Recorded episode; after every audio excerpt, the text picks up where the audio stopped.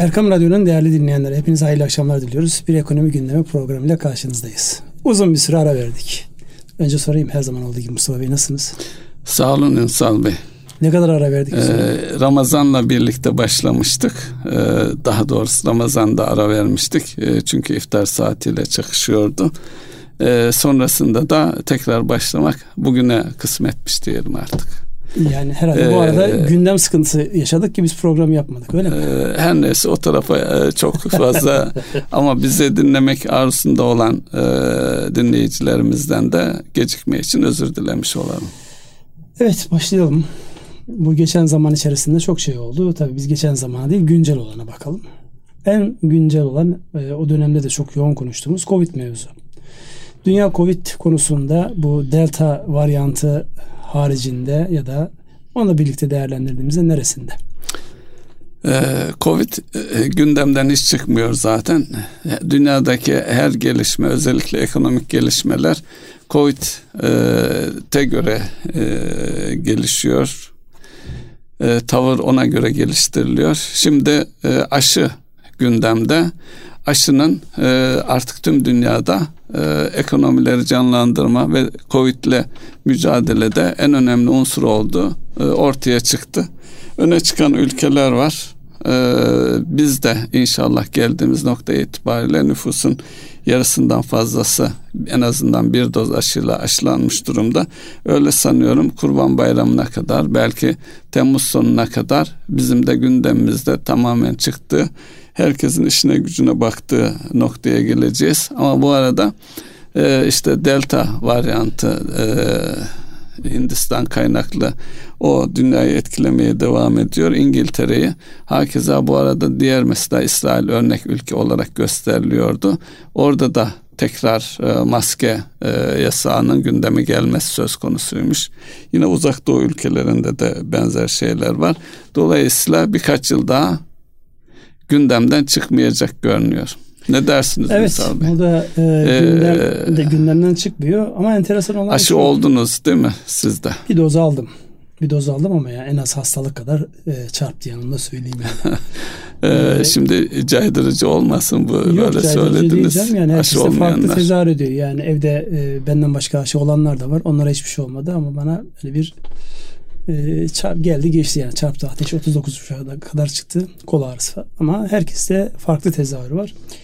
Burada e, ben şunu merak ediyorum. Şimdi e, delta varyantı onun öncesinde hatta bugünlerde biraz belki oraya da gireriz. Maalesef biliyorsunuz Avrupa kupalarının elendik yani. Evet. Averaj takımı olarak çıktık sahaya ve her gelen bizi bir güzel yenip e, saf dışı bıraktı. Ama bir arada futbola şöyle ara ara bakıyoruz. Ekonomik sonuçlar açısından.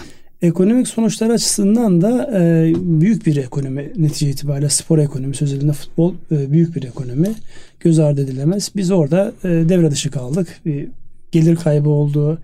Yani motivasyon azaldı. Maçları seyredelim mi seyretmeyelim mi diye insan gayri ihtiyari e, oyundan düşüyor. Şimdi bu bir, bir mevzu var. Geçenlerde İtalya Başbakanı gündeme getirdi. E, final maçlarının İngiltere'de oynanmaması yönünde elimden geleni yapacağım dedi.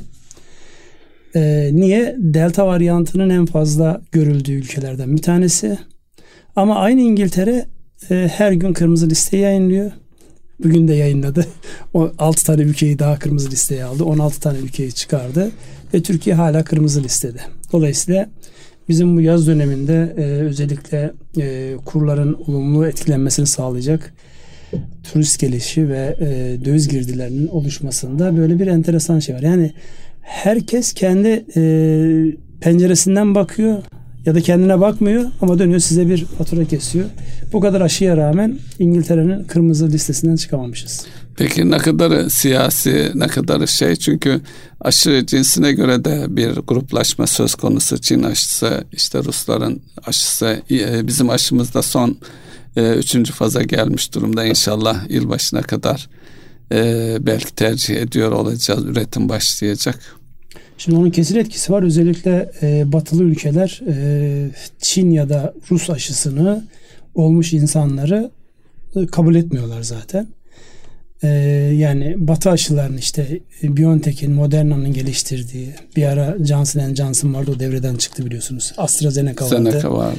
O bazı ülkelerde yasaklandı vesaire. Mesela onlara rağmen e, şunu istemiyor. Yani Çin ve Rus aşısı olmuş olan insanları koruma altında kabul etmiyor. Dolayısıyla e, siyasi tabii olayın bir yönü siyasi.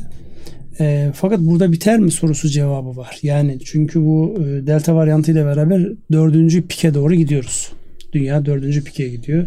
Az önce söylemiş olduğunuz işte örnek gösterilen ülkelerde dahi görülmeye başlandı.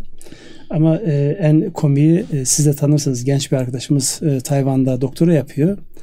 E, burada da panik başladı. Nasıl panik başladı? Günde diyor 200 vaka oluyor. Eller ayaklarına dolaştı. Eyvah öldük bittik ne yapacağız falan diye. Dolayısıyla her ülkenin e, yaşama biçimi, algılama biçimi farklı bunu. Ama bizim açımızdan değerlendirdiğimizde şu an ekonomide ciddi bir hareketlenme var. Özellikle ihracatın 200 milyar dolara doğru hızla gidiyor olması. Üzücü olan kilo başına hala 1 dolar yani 1 kiloyu 1 dolara satan düşük katma değerli bir ihracat yapımız var. Güzel olan artış var. Artış var. Yani, dolayısıyla artılar eksiler hep birlikte değerlendirdiğimizde hayat devam ediyor. Yani hatırlarsanız günlerce şeyi konuştuk. Ee, NATO toplantısında işte Cumhurbaşkanı ile Biden ne konuşacaklar? Konuştuklarında ne olacak? Bunlar konuşuldu. Ondan sonra biraz aşağı doğru geldi döviz. Sonra tekrar eski seviyesine geldi. Dolayısıyla haberler alınıp satılıyor. Yeni gündem maddeler oluşuyor. Biz yeni gündem maddelerine bakalım. Merkez Bankası'nın en son toplantısında e, faizle alakalı, politika faiziyle alakalı herhangi bir karar almadı. Sadece söylemdeki değişikliklere işte yorumcular biraz takıldı. İşte Şahin miydi, güvercin miydi, sert miydi, işte bundan sonra sıkı para politikası uygulanacak mı gibi e, soruları herkes kendince oradaki kelimeleri çıkararak yorumlamaya çalıştı. Siz nasıl yorumladınız bu süreci?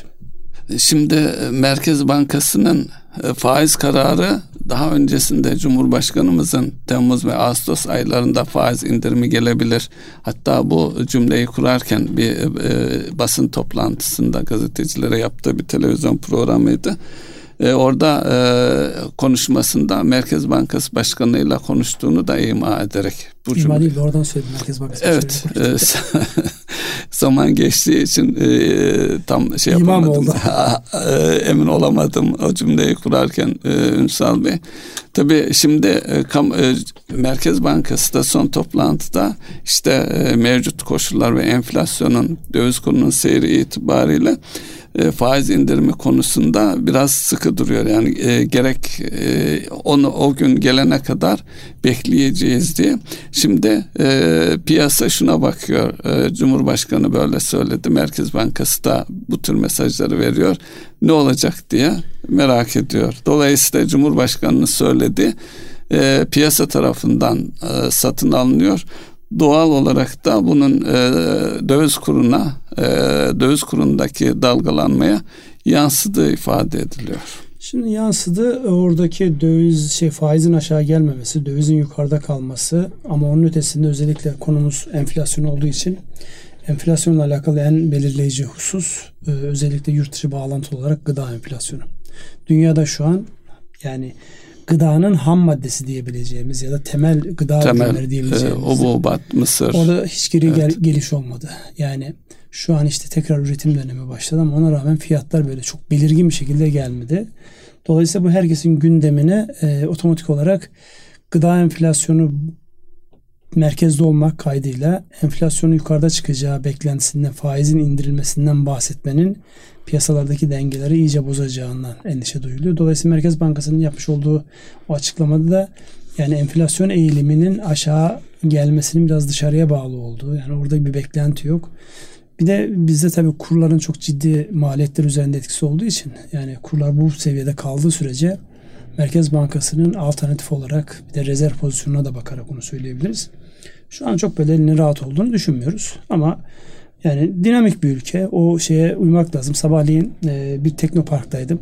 Yani gencecik insanların o kuluçka dediğimiz merkezlerdeki projelerini anlatırken ki o heyecanlı, o istekleri ve hedefledikleri yerler. Yani en böyle hani e, şey diyeceğiniz hafifi işte dört ülkeyi hedefliyorum. İşte Avrupa'da, Amerika'da, işte Doğu'da, Çin'de şu ülkelere satacağım geliştirdiğim bu proje ürünü demiş olmaları gerçekten heyecan vericiydi. Yani sabahleyin öyle bir gençlerin bulunduğu e, bir e, sunum ya da e, açılış vardı. Oradaydım. Keyifliydi yani. Onlara bakınca enseyi karartmaya gerek yok. Evet. Enseyi karartmaya hiç gerek yok. Ee, o girişimler mutlaka sonuç verecektir. Zaten son geçtiğimiz yıla baktığımız zaman e, önemli mark şeyler de çıktı. Oyun e, bir oyun şirketi 1 milyar 800 milyon dolara satılmıştı.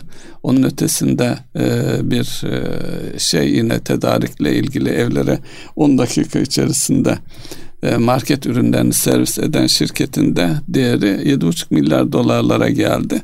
Bunlar iyi şeyler. E, tabi bunların hepsi arka planda bakıldığı zaman e, teknoloji şirketleri aslında. Özellikle teknoloji ve datayı, üretilen datayı etkin kullanan e, şirketler. Dolayısıyla oradaki geliştirilecek şeyler, e, yenilikler, icatlar diyelim umut vaat ediyor. Ama orada ee, bir de işin ticarileştirme, e, ticarileştirilme tarafı var.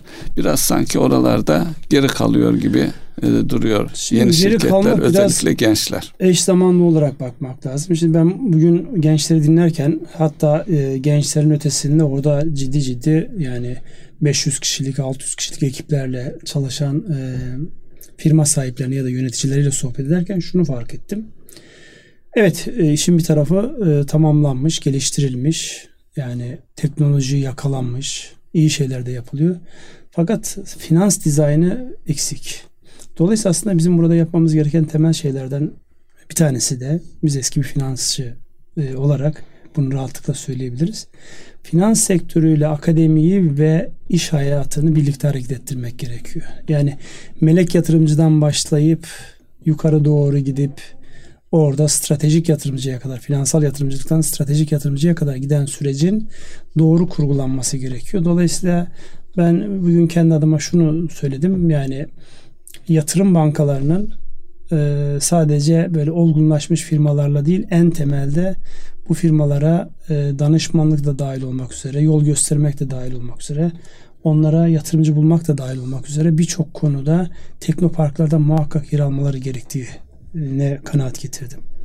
Dolayısıyla yani e, bunu üzerinde kendi adıma da söyleyeyim kafa yoracağım. Çünkü kurumsal finansman işi yapıyoruz ama biz daha çok böyle olgunlaşmış firmalar üzerinden gidiyoruz. Halbuki e, özellikle bu yeni gelişen ekonomi e, endüstri 5.0 diyor gençler. Endüstri 5.0 ancak oralarda yakalanabilir. Onların kaynağı ihtiyacı var. En az diğerleri kadar. Onun için burada e, yapılması gereken şey bu e, koordinasyonu sağlayacak oluşumlara gitmek.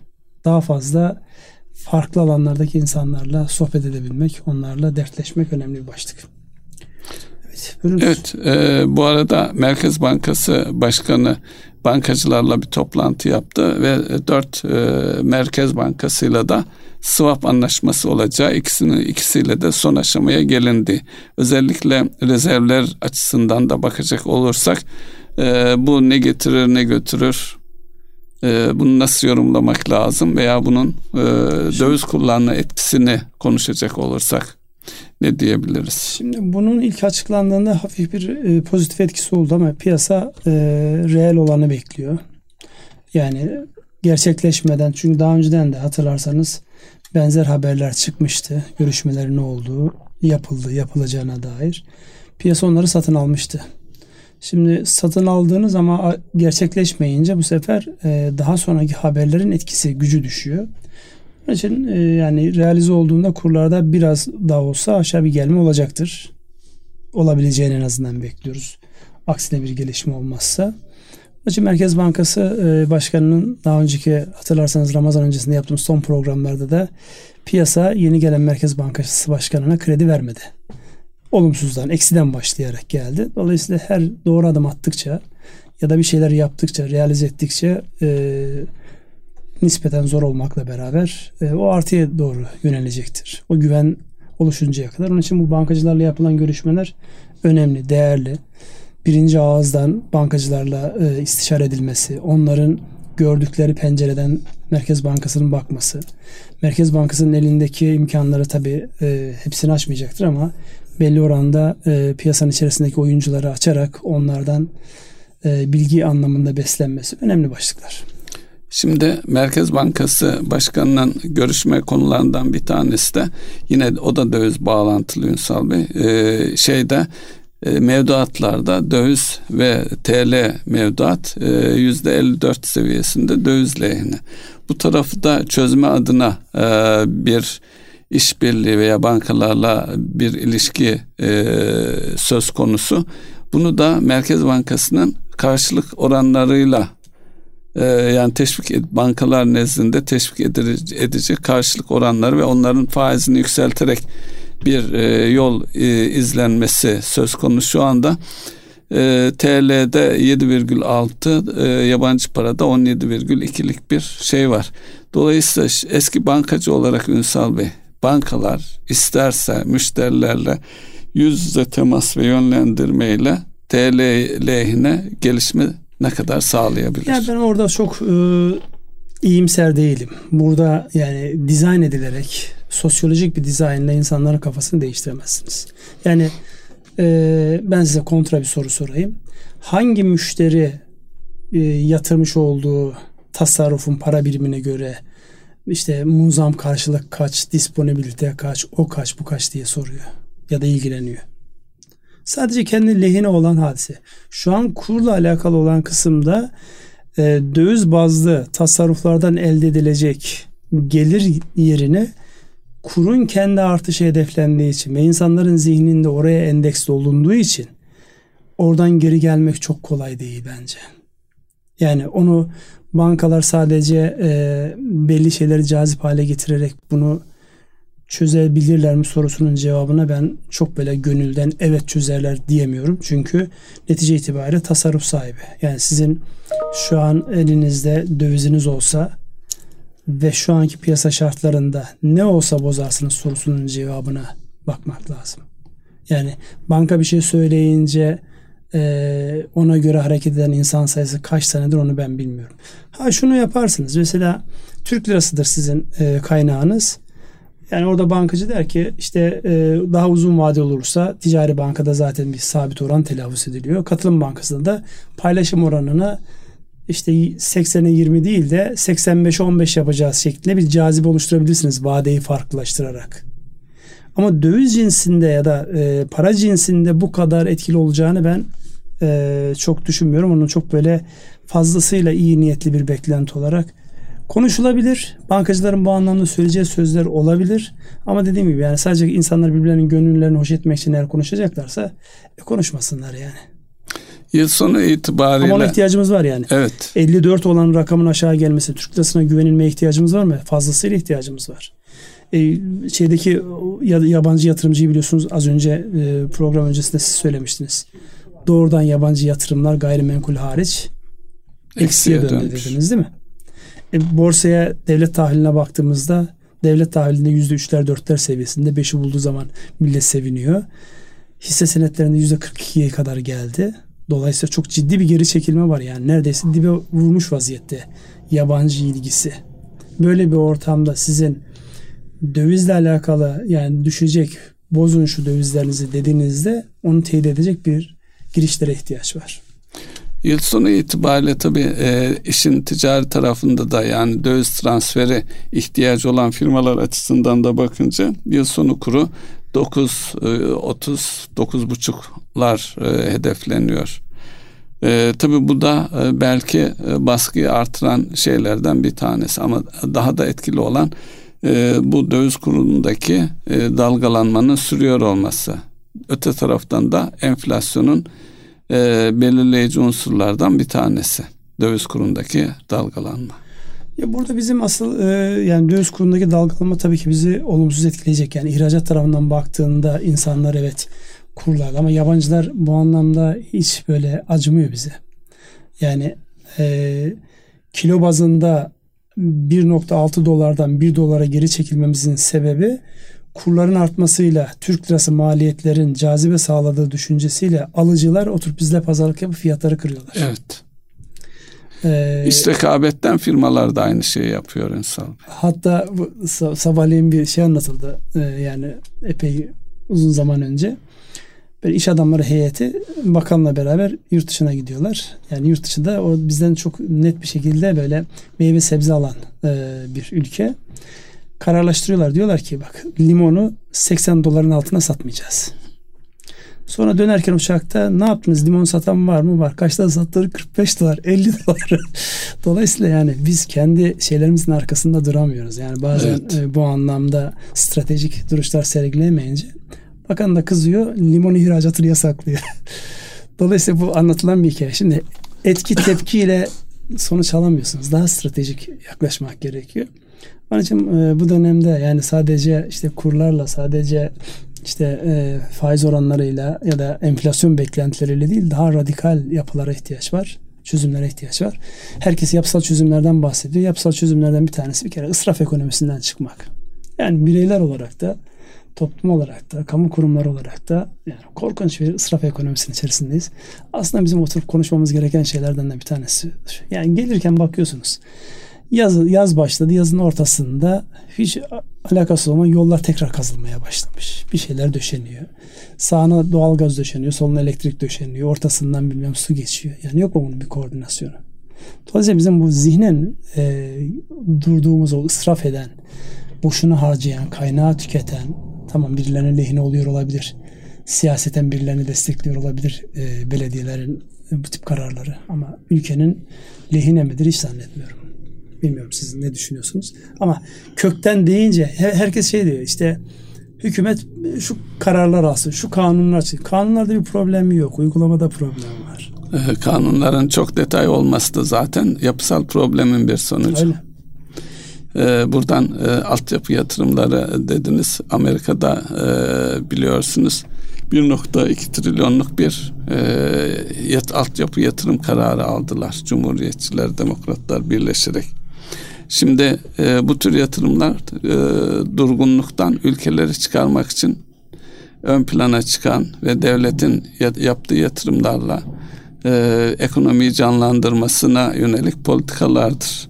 Şimdi siz belediye dediniz, belediye de belki bunları hedefliyor olabilir deyip e, Amerika'daki bu gelişmenin ve onun dünya ülkelerindeki yansımasını değerlendirseniz ne dersiniz? Şimdi orada tabii Amerika'nın özellikle altyapı yatırımlarına yönelerek ekonomisinin canlandırma isteği yani özellikle bu demokratlar de istihdam tarafı var tabii. Hem istihdam tarafı var hem de eskiyen altyapıların sıkıntısını yaşıyor Amerika. Yani onu nerede gördü? Onu işte ağır geçen kış şartlarında gördü. Elektrikler kesilince yani Teksas gibi yani Teksas'ta kar yağar mı yani neredeyse bizim Adana gibi bir yer. Ama iki hafta üç hafta elektrik kesintisi oldu. Çünkü hiç kış düşünülmemiş mantıkta ve altyapıda ciddi problemler var. İşte o fırtınaların yapmış olduğu şeyler. Dolayısıyla onların ona ihtiyacı var. Bu neyi sağlayacak? Ekonomiyi tekrar canlandırmayı sağlayacak. Adamların en büyük avantajı ne? Bastıkları kağıt, üzerine imza attıkları kağıt dünyanın her yerinde para oluyor. Yani bizimkinin üzerine ne yazarsanız yazın. Olmuyor yani. Dolayısıyla böyle bir avantajlar var. Ee, ekonomiyi canlandırmak için buna bir ihtiyaç var. İkincisi de altyapılarını yenilemeye ihtiyaç var. Bu altyapı yenileme mevzu özellikle mesela bizde nerede kendini gösteriyor son zamanlarda? İletişim, te- e, telekomünikasyon açısından. Yani biz hep orayla övünüyoruz. Evet her gün yaşıyoruz insan yani, yani. Çöktü yani neredeyse. Artık internet o kadar yavaş ki. Fiber değil ultra fiber alın yine yavaş. Bir de işin şu boyutu var. Bu yaşanan sıkıntıyı e, operatörler yatırım yaparak çözmek yerine arıyorlar. İşte sizin hızınız 25 megabit. İşte bunu yüzde çıkartalım. E, bir yıl iki yıl taahhüt verin ve fiyatı da yüzde yirmi, yüzde otuz, asgari yüzde otuz artıralım diye teklifte bulunuyorlar. Yani orada söylenecek çok şey var. Maalesef ve maalesef kötü hizmeti fiyatlamaya kalkıyorlar. Yani ben o kötü hizmeti dünyanın zaten en pahalı internetini kullanıyoruz. Bunu hiç şey yok yani bunu eleştirebilmemiz lazım. Dünyanın en pahalı ve en yavaş internetlerinden bir tanesini kullanıyoruz. Ona rağmen biraz hız istediğinizde hemen bedel ödetmeye kalkıyor. Önce sen onu bir hak et. O da garanti değil Ünsal Bey. Onu söylemeye çalışıyorum. Şu ana kadar 25 megabitle gayet rahat gelirken bugün ne oldu da gün içerisinde ikiye bir kesiliyor. Ee, çalışamıyoruz. Ve e, arayıp e, sanki bilinçli yapılıyor gibi. Evet, sanki evet. bilinçli yapılıyor gibi.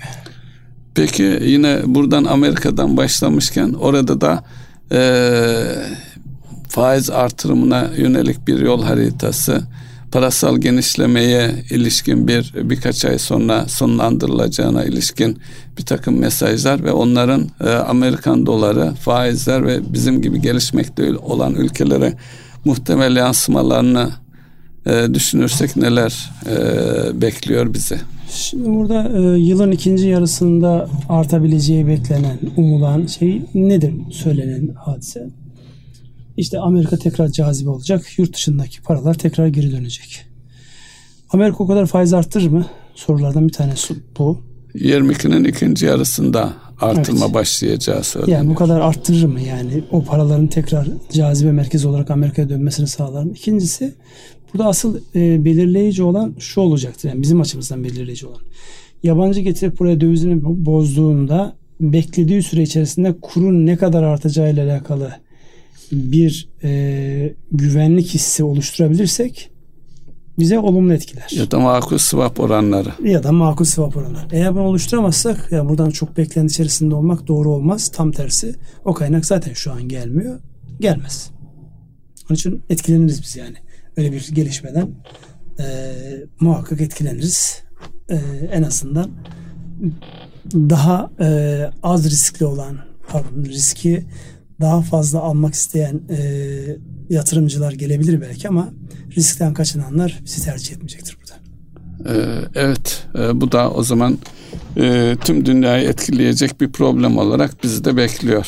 Ama bir taraftan da Amerika ile daha önceden ticareti geliştirme yönünde bir takım iyi niyetli adımlar da atılmış idi. Özellikle Trump zamanında e, son e, Cumhurbaşkanımızla Biden görüşmesinden çıkan sonuçta sanki yeniden e, işleri yoluna koymak üzere adım atıldığına ilişkin e, mesajlar var da ne kadar e, ya o ger- mesajlar çok kuvvetli gelmedi gibi geliyor bana. Öyle de ama neticede e, adım at yani bir şeye ihtiyacımız yani var. Bir diyalog başladı şimdi. Evet. Diyaloğun başlamış olması iyi fakat Türkiye'nin son dönemde atmış olduğu bütün adımları yani bir şekilde olumsuz olarak yorumluyor. İşte Suriye'deki duruşumuz, Libya'daki duruşumuz, Kafkaslar'daki özellikle Azerbaycan Karabağ'daki duruşumuz. Şimdi her şey masaya getiriliyor. Yani e, derler yani şimdi seninle biz 20-30 yıldır dostuz. Yani sürekli ben eleştiriyorum seni. Yani demez misin yani? Ya hiç mi iyi yaptığım bir şey yok benim? Olsa söylersiniz Ünsal Bu iyiydi işte. e, ol, olsa söylerim yani. Yani vardı da muhakkak. Dolayısıyla yani burada şu an e, yaşamış olduğumuz şey iyi yerde burada sağ olun. yaşamış olduğumuz şey şu. Yani adamlar sürekli eleştiriyor. Yani hiç mi iyi yaptığımız bir şey yok? Yani müttefik olarak yaptığımız iyi bir şey yok mu? İşte mültecilere sahip çıkıyoruz. Dün Avrupa Birliği görüşmeleri vardı Türkiye'nin şeylere. İşte müzakerelere başlansın falan. Ya arkadaş bu kadar değil yani. Neyse biraz böyle ağzımız ar şey argoya doğru kayıyoruz gayri ihtiyari. Ama yani gerçekten Türkiye bu anlamda yani çok zorlu bir süreçten geçiyor. Yani içeride bunu eğer siz bir muhalefet ya da siyaset malzemesi yapacaksanız ya şu eksik yapıldı, şu yanlış yapıldı falan dersiniz. Ama fiili bir durum var. Şu durumda yani e, bizden istenen bedeller çok ağır. Kimse kara kaşımıza, kara gözümüze bize böyle dost falan davranmıyor. İstenen bedeller ağır. O bedelleri ödeyelim ödemeyelim mi? Yani bunun siyasi görüşünüzün ne olduğunun hiç önemi yok. Bu ülkenin geleceğinde bu bedeller ödensin mi ödenmesin mi? Onun oturup e, yani sağlıklı bir akılla değerlendirmesi lazım. Ondan biraz uzağız şu an biz. Şimdi e, İran'da seçimler oldu. Sanıyorum Amerika'nın istemediği bir sonuç ortaya çıktı muhafazakar ve e, Biden'la görüşmek gibi bir gündemi olmadıkları ve Çin'le olan ilişkileri de geliştirme yönünde adımlar atıyorlar. Bir taraftan da işte bu nükleerle ilgili e, anlaşmanın yenilenme çalışmaları var. Orada da bir yolda sonuca ulaşılacağına ilişkin bir kanı var.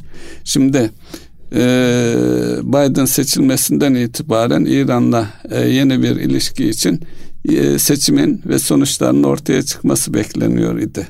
Şimdi mevcut durum e, ekonomik açıdan bize hizmet eden bir durum mudur? Yani mevcut durum şimdi benim anlamadığım hadise şu. Bir taraftan siz demokrasi demokrasi diye bağıracaksınız. Öbür taraftan yani bir milletin yani saygı göstermek gerekir aldığı karara. Sevin ya da sevmeyin.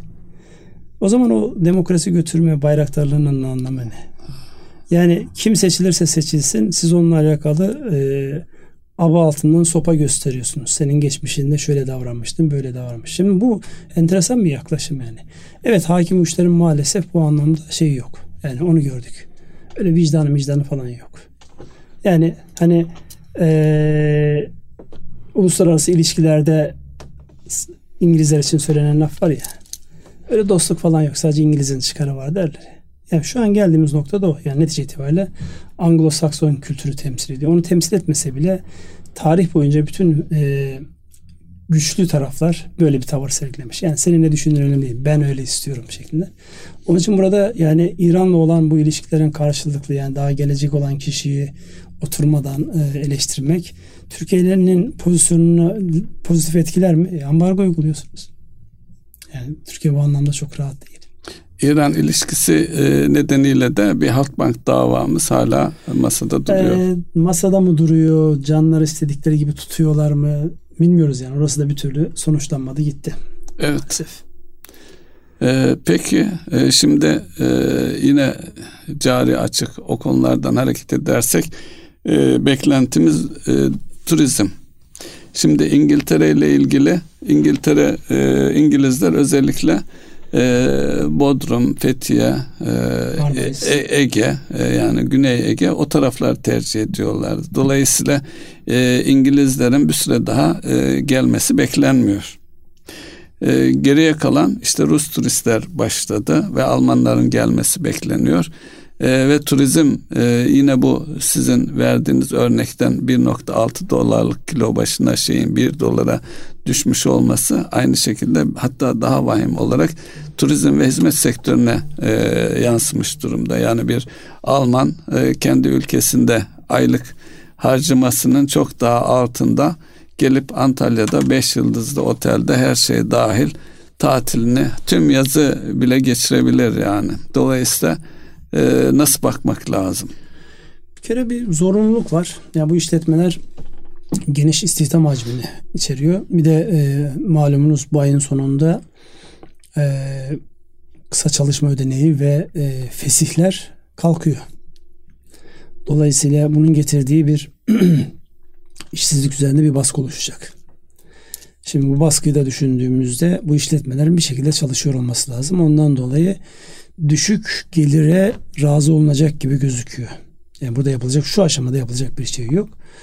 Biz yine dönüyoruz işte hizmet sektörünün bu kadar büyümüş olması bir taraftan iyi ama bir taraftan da bu tip böyle politik e, yaklaşımlara çok açık olduğu için ya da bu tip gelişimlere çok açık olduğu için ülkenin önünde e, birden probleme dönüşebiliyor. Onun için yani o söylemiş olduğunuz e, yani kabul etmeyelim gibi bir şansınız yok. Yok bir yok. şekilde kabul edeceksiniz. Fiyatları nasıl artırırız? Fiyatları şu aşamada artıramazsınız yani.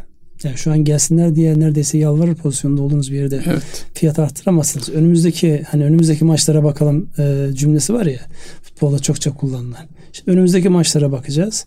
Bir de biz bu e, sadece işte deniz, güneş ve yani e, sahil kesimi turizminden bir türlü o kültür turizmine dönemedik. Yani çok farklı şeyler yapılabilir. Hem iç turizmde hem dış turizmde onlara bir türlü dönemedik. Belki bundan sonraki süreçte en fazla kafa yorulması gereken katma değeri yüksek daha böyle kültür turizmi, gastronomi turizmi, sağlık turizmi gibi alanlar ki çok şükür mesela şu son dönemde siz de buna şahitsinizdir. Geçen beraber Sultan Sultanahmet Meydanı'ndaydık. Ee, ne kadar çok böyle saç ekimi için gelmiş ya da estetik ameliyat için gelmiş kadınlar evet. ve erkekler vardı. Gördük yani onların şeyini. Dolayısıyla yani bu mesela Türkiye'nin sağlık turizm açısından işte e, kaplıcaların olduğu yerde İskandinav ülkelerinden gelen yaşlılar, yaşlılara bakım, onlarla alakalı bir turizm. Ama öbür taraftan da şöyle bir sıkıntımız var. Bizim kendi yerli ihtiyacımız için bile hizmet sektöründe yetişmiş adam problemi varken buralar ne kadar büyütebilir sorusunu da ayrı bir parantez içerisine alıp koymak lazım. Evet, sağlık turizmi de e, önemli bir unsur. Son e, yıllarda yapılan şehir hastaneleri de fırsat sunuyor aslında dünya açısından. Pandemi sürecinde de e, sağlık hizmetleri olarak dünyada örnek gösterilecek de bir konuma e, konumdaydık. Tam da bunu söylerken bugün dikkatimi çeken bir şey oldu. Rekabet Kurumu'nun onayladığı bir tane e, bir devir var. Yani 5 e, e, şehirdeki şehir hastanesini işleten Rönesans grubu işletmeciliğini Danimarkalı bir firmaya devrediyor. Ve rekabet kurumu bunu onaylıyor. Ve firma hiçbir açıklama yapmadı. Bu devri niye yapıyor? Kaça devretti? Ne oldu? Ne bitti?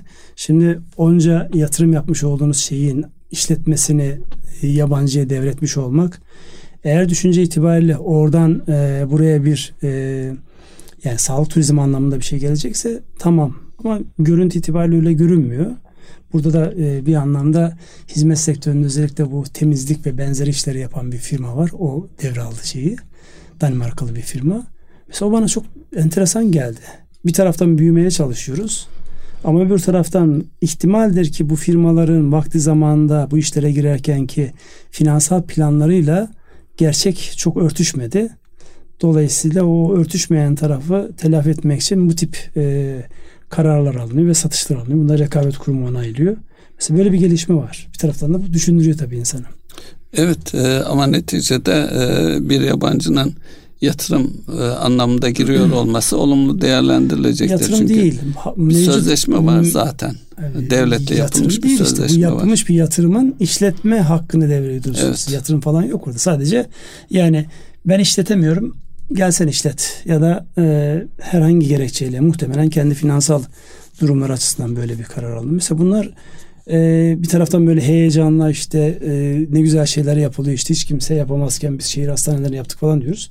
Öbür taraftan bu işi üstlenmiş olan insanların böyle arkasını getiremeyip e, başkasına devrediyor olması da enteresan. Ama o grup gerekiyor. sağlık sektöründe değildi, inşaat sektöründe dolayısıyla yapmakla işletmek biraz farklıdır diye Demezler mi? Niye girdin bu işe? işte mi? girince görmüş ve Neyse ee, bunu tabii evet. bu e, ticari bir karar ama işte bu ticari karar bir taraftan da düşündürüyor insanı. Ee, tabii e, neticede asıl orada devletle yapılmış bir sözleşme söz konusu. O sözleşmenin devri. O sözleşmeyi Ama e, Danimarka Avrupa'dan biraz farklı düşünen, farklı duran bir ülke. Şimdi Danimarka'nın tamamı gelse o hastanelere gene bir anlamı olmaz. Gelmez yani. Ee, gelmezler de. Yani, e, şimdi yani böyle baktığında hepsinin hasta olması lazım. dolayısıyla yani kendisi açısından ticareten karlı olmasa girmez o işe. Evet. Ee, bu işte diyorum ya yani biz planlamaları yaparken biraz e, yani finans sektörümüz işte girişimciler derken az önce bunu kastediyorum. Yani belli ki bir e, hesap uymadı. Evdeki hesap çarşıya uymamış. Dolayısıyla bununla alakalı böyle bir gelişme var. Neyse konuları biz e, uzun süre ara verince hangi konuya yoğunlaşacağımızı da biraz e, Evet. E, o zaman herkesi ilgilendirecek bir başka konu petrol Ünsal Gelecek hafta OPEC artı ülkelerin e, toplantısı var ve petrol son günlerde işte 70-75 dolar aralığında ee, eğer İran e, yine burada e, oyuna girecek mi girmeyecek mi İran üretimi dünya pazarlarında yer bulacak mı konuşulan şeylerden bir tanesi bu. Şayet buralarda sıkıntı olursa 80 dolar diyen de var 100 doları aşar diyen de var. Dolayısıyla buradaki yukarı doğru hareket en fazla canını yakacak ülkelerden biri de biziz. Petrol ithal etmek, enerji ithal etmek durumundayız. Şimdi siz onu söylerken ben bir taraftan da grafiğe bakıyorum. Şöyle grafiğe baktığımda 7 Nisan'daki o şok bir günlük böyle bir net bir düşüş vardı. 55 e, dolara kadar gelmiş Brent petrolün varili. Ondan sonra tekrar 64 dolarlar seviyesinden kapanmış. Sonra da tekrar böyle yükseliş dinleyen bir günlük o hareketten sonra devam eden sürekli yükseliş var. Böyle küçük küçük zikzaklarla düzeltme yapsa dahi sürekli yukarı gösteriyor. 80 doları bulur mu? Bulabilir. Yani buradaki e, dünyadaki özellikle bu çok pan, şey kalmadı. Pandeminin pandeminin e, olumlu gelişmelerinin olması. Evet dediğiniz gibi 5 dolar da çok fazla bir şey değil yani %10 değil orada. %5 %6'lık bir marja kadar gelmiş. Onun için olabilir. Burada yapabileceğimiz bir şey yok. Bu dışsal bir faktör dışsal faktörlere bakarak kararları bağlamanın bir anlamı yok. Özellikle içeride bu e, yenilenebilir enerji, elektrikli kullanılan cihazlar neyse onlar artık. Otomobiller Otomobiller dahil olmak evet. üzere o elektrikli motorların devreye gireceği ne kadar şey varsa hepsini daha bir masaya yatırmak gerekir. Yine bugünkü Teknopark ziyaretinden yani çok güzel e, özellikle bu insansız hava araçları, dronlar yani drone'un sadece gökte uçanı değil denizin altında gezenleri de dahil olmak üzere hepsi dönüyor dolaşıyor nereye geliyor biliyor musunuz? Pil teknolojisine geliyor. Hmm. Yani kaç kaç dakika havada kalıyor? Evet. 50 dakika. Niye? Pili o kadar dayanıyor. Kaç kilo taşıyor? 150 kilo taşıyor. 200 kilo taşıyor. Tamam süper. Yani bir yerden bir yere nakil, hasta nakli de dahil olmak üzere bunlar yapılabilir mi? Evet yapılabilir. Ama olay dönüyor dolaşıyor. Bunu yapabilmeniz için ne geliştirirseniz geliştirin. İşte pil teknolojisi sizin değilse yapamıyorsunuz. Bunun için stratejik önemi olan sektörlerde gücü birleştirerek ortaklaşa işte iş adamları olarak bizlerin işte bu şey fikir anlamında destek verecek olanların ekonomik anlamda destek verecek olan ve siyaseten destek vereceklerin bir araya gelerek iyi şeyler e, yapılan iyi şeyleri daha da kuvvetlendirmeleri gerekiyor. Şimdi bu pandemiyle beraber dünyayı tehdit eden unsurlardan bir tanesi de emtia fiyatlarından fiyatlarındaki artış. Bu e, gıda ürünlerine değindiniz Ünsal Bey. Şimdi diğer ürünlerle ilgili olarak da hatta e, Amerika'da ha, hakeza Çin'de bu fiyat artışlarından muzdarip ve bununla mücadele etmeye de çalışıyorlar. Dolayısıyla dünyadaki pandemiden kaynaklı e, enflasyonun e, buradan kayna e, e, enflasyonun nedenlerinden birisi de bu olarak görülüyor ve burada da e, normal fiyat artışlarının dayandığı temel kök nedeninde tedarik zincirindeki sorunlardan, tedarikten dolayısıyla tedarik sorunları çözüldüğü zaman fiyatların geri geleceğine inanılıyor. Özellikle Fed'in açıklamalarında da bu var. Diğer taraftan e, Çin e, fiyat artışlarını kontrol etmeye çalışıyor. Özellikle önümüzdeki dönemde e, elektrikli araçların artması da söz konusu. Özellikle e, bakır fiyatlarında ciddi biçimde etkileyen unsurlardan bir tanesi. Bizi de doğal olarak enerji ve yine birçok ham maddede bizi etkileyen bir husus.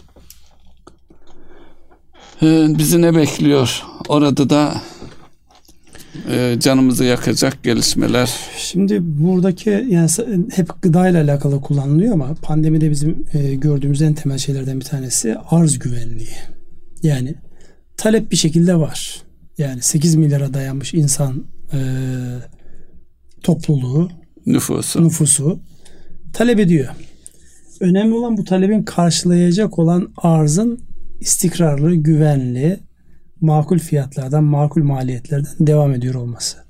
Şimdi bunu daha çok gıda ile alakalı konuşuyorduk ama dediğim gibi pandemi sürecinde sağlık gereçleri yani bir basit bir e, maske bile ülkelerin birbirlerine inanılmaz e, oyunlar oynadığı, kazıklar attığı bir e, sahneye, oyuna dönüşmüştü. Dolayısıyla yani insan olduğunun da böyle canı yandığında ne kadar acımasız ve korkunç olabileceğinin göstergesi bu. Söylemiş olduğunuz şeyde özellikle Çin'in bakır fiyatları başta olmak üzere elindeki stokları kısmen eriterek fiyatları dengelemeye çalışması en fazla kimi etkileyecektir? İmalat yapan ülkeler etkileyecektir. Çünkü burada ibre birden başka bir tarafa kayabilir. Biz bundan nasıl etkileneceğiz? Biz bundan maalesef yani ham maddeyi e, birçoğunu dışarıdan alan bir ülke olarak imalat tarafımız ne kadar güçlü olursa olsun biz burada e, biraz dışa bağımlıyız. Yani bu da etkileyecek. İşte bu arada siz bahsetmediniz ama özellikle taşımacılıkla alakalı. Yani işte konteyner bulunamıyor. Evet. Ya daha önceden 3000 4000 dolara giden konteynerler navlun fiyatları, fiyatları çok arttı. 20 bin dolara kadar çıktı. Yani içindeki malzeme 10 bin dolar, navlun 20 bin dolar.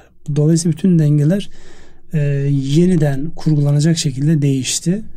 Yani bu pandemi bütün ezberleri bozdu yani sadece onu en temel olarak söyleyeyim.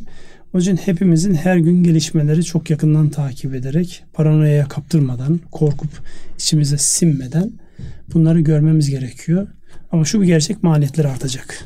Öyle ya da böyle bu maliyetler artacak. Bu maliyetlerin artmasını dengeleyecek dışsal faktör olduğu için bizim elimizde bir şey yok. Biz sadece bundan maksimum yani ölçüde faydalanıp minimum zararı nasıl görürüz diye kafa yormamız gerekiyor. Bu da e, paydaş diyebileceğimiz farklı disiplinlerdeki insanların bir araya gelip ortak akılla bir şeyler üretmesine bakıyor. Evet saati gösteriyorsunuz evet, galiba. Evet zamanımız e, doldu. Hadi bugün siz kapatın değişiklik olsun. E, ne söylenebilir? E, yine pandemiyle ilgili özellikle sağlığımıza dikkat etmek. Aşılama çok kritik bir husus. Dolayısıyla aşılamada e, istekli olmak önemli. Çünkü zorunlu bir aşılama sistemi yok bizim e, ülkemizde. E, gönüllü aşılamayla inşallah bunun üstesinden gelelim diyelim. İnşallah. Erkam Radyo'nun değerli dinleyenleri uzun zamandan sonra yaptığımız bir ekonomi gündemi programının sonuna geldik. Sürçülisan eylediysek affola. Hepinize hayırlı akşamlar diliyoruz. Hayırlı akşamlar.